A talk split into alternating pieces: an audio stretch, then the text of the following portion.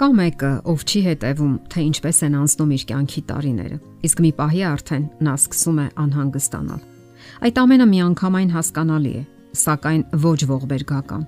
եւ սխալ կլինի, եթե այն դառնա սթրեսի պատճառ եւ թուլանա ապրելու կամքը։ Իսկ դա կարևոր է ընտանեկան հարաբերությունների առումով։ Շատերն են զարմանքով եւ անգամ յուրատեսակ անհանգստությամբ նկատում, որ մտեցել են կամ նույնիսկ անցել 60-ի սահմանագիծը Որոշ ամուսիններ այդ տարիքում թևաթափ են լինում։ Նրանք սարսափահար են լինում այսպես կոչված կլոր թվերից եւ ողբերգական տեսքով կանգ են առնում։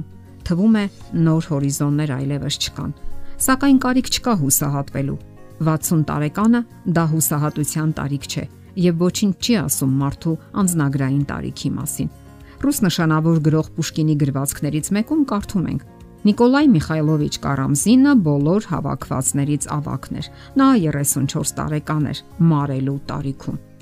Դուք համաձայն եք այս բնորոշմանը։ Սա իհարկե գրողի սուբյեկտիվ մտորումներն են, այլ ոչ հոգեբանական ճշմարտություն։ Սակայն փաստն այն է, որ շատ ամուսնական զույգեր տարիների հետ սկսում են կորցնել զգացմունքների թարմությունը, ինչը ազդում է նրանց հարաբերությունների որակի վրա։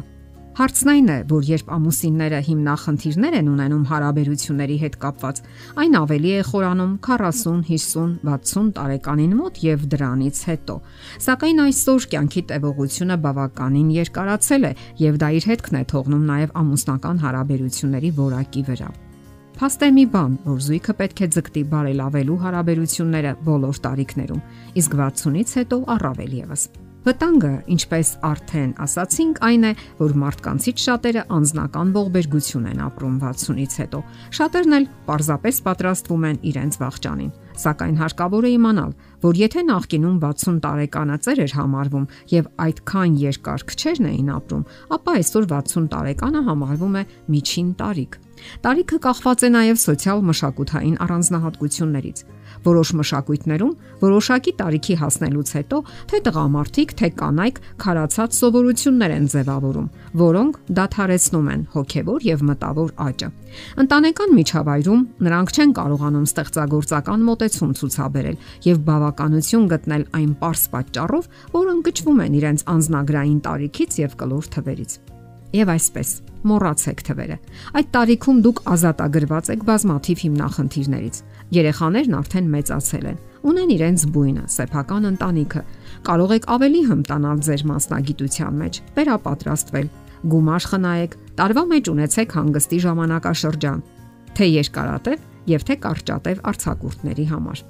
Կարևոր է ձևավորել այնպիսի սովորություններ, որոնք կարող են նպաստել հարաբերությունների բարելավմանը Մտածեք, ինչպես սատարել դիմացինին։ Օրինակ, դուք նկատել եք, որ միմյանց հետ եք ծերանում, որ ձեր կողակիցն է ծերանում։ Ուշադրություն դարձրեք նրան եւ կմոռանաք ձերը։ Դա կյանքի օրենք է։ Տալով դուք ստանում եք։ Խոսեք իրար հետ, թե ձեր հարաբերություններում ինչն է ձեզ դուր գալիս, ինչը ոչ, ինչն է հաճելի եւ ինչն է ձեզ բարկացնում։ Շատ ընտանիքներում ընդունված չէ խոսել զգացմունքների մասին, սակայն դա բնականon չէ Եթե մտածում եք, թե դիմացինը գլխի է ընկնում կամ գուշակություններ է անում այդ մասին, ապա դա այդպես չէ։ 60-ին մոտ եւ հետո դուք ավելի շատ կարող եք խոսել ու կիսվել։ Տարիքը դատավճիռ չէ։ Բնական եւ նույնիսկ խիզախորեն ընդունեք ձեր տարիքը։ Կենսական մի փուլից անցեք մյուսը առանց ներքին ցնցումների։ Այսպես ասած, համաձայնվեք ձեր անալու մտքին։ Նայեք ձեր շուրջը, ինչպես են ապրում մյուսները, ինչպես են ծերանում։ Իսկ ձեր կինը Նա ինչպես է ծերանում։ Երբևէ մտածել եք այն մասին, թե ինչ ներքին ապրումներ ու հուզումներ են ունենում յուրաքանչյուր անցնող տարվա հետ։ Մտորեք նրա մասին։ Թույլ մի տվեք, որ նա հուսահատվի այդ ամենից։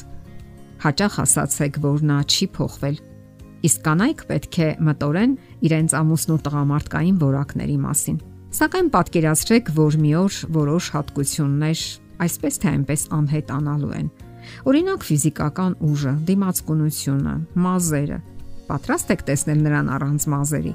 Իսկ տղամարդիկ կարող են պատկերացնել, որ մի օր թորշոմելու են այն քնքուշ зерքերը, որով այնքան հիանում էին երիտասարդ ժամանակ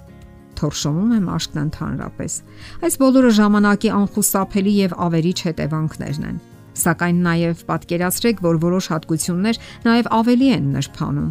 Օրինակ ըմբռնողությունը, համբերատարությունը, քնքշությունը, իմաստությունը։ Տարիքի հետ մարդկանց հույզերն ավելի են քնքշանում ու նրբանում։ Հենց հիմա է, որ դուք ավելի շատ պետք է հասկանաք միմյանց եւ իհարկե կարեկցեք։ Ցավոք, քիչ չեն նաեւ այն դեպքերը, երբ մարդիկ պարզապես դեպրեսիայի մեջ են։ Տարիների հետ անխուսափելի են նաեւ հիվանդությունները եւ դարձյալ հարկավոր է սատարել միմյանց։ Ժամանակի ընթացքում խնայեք, հավաքեք անհրաժեշտ գումարներ, որpիսի կարողանաք հոգալ ձեր առողջական հիմնախնդիրները։ Այդ դժվար պահերին է ստուգվում ձեր հավատարմությունը միմյանց հանդեպ հատկապես եթե մեկը խնամքի կարիք ունի, որովհետև շատ հիվանդություններ քրոնիկական ընթացք ունեն։ Խնամեք եւ խնայեք միմյանց։ Վերարժեքավորեք ձեր կյանքը ավելի խորությամբ եւ ավելի ծանրակշիռ փորձառություններով։ Իմացեք, որ կյանքը 60-ին մոտ մի նոր փուլ է իրեն բնորոշ առանձնահատկություններով եւ պարզապես ապրեք։ Եթերում ընտանիք հաղորդաշարն է Ձեզ հետ է Գեղեցիկ Մարտիրոսյանը։ Հարցերի եւ առաջարկությունների համար զանգահարել 033 87 87 87 հեռախոսահամարով։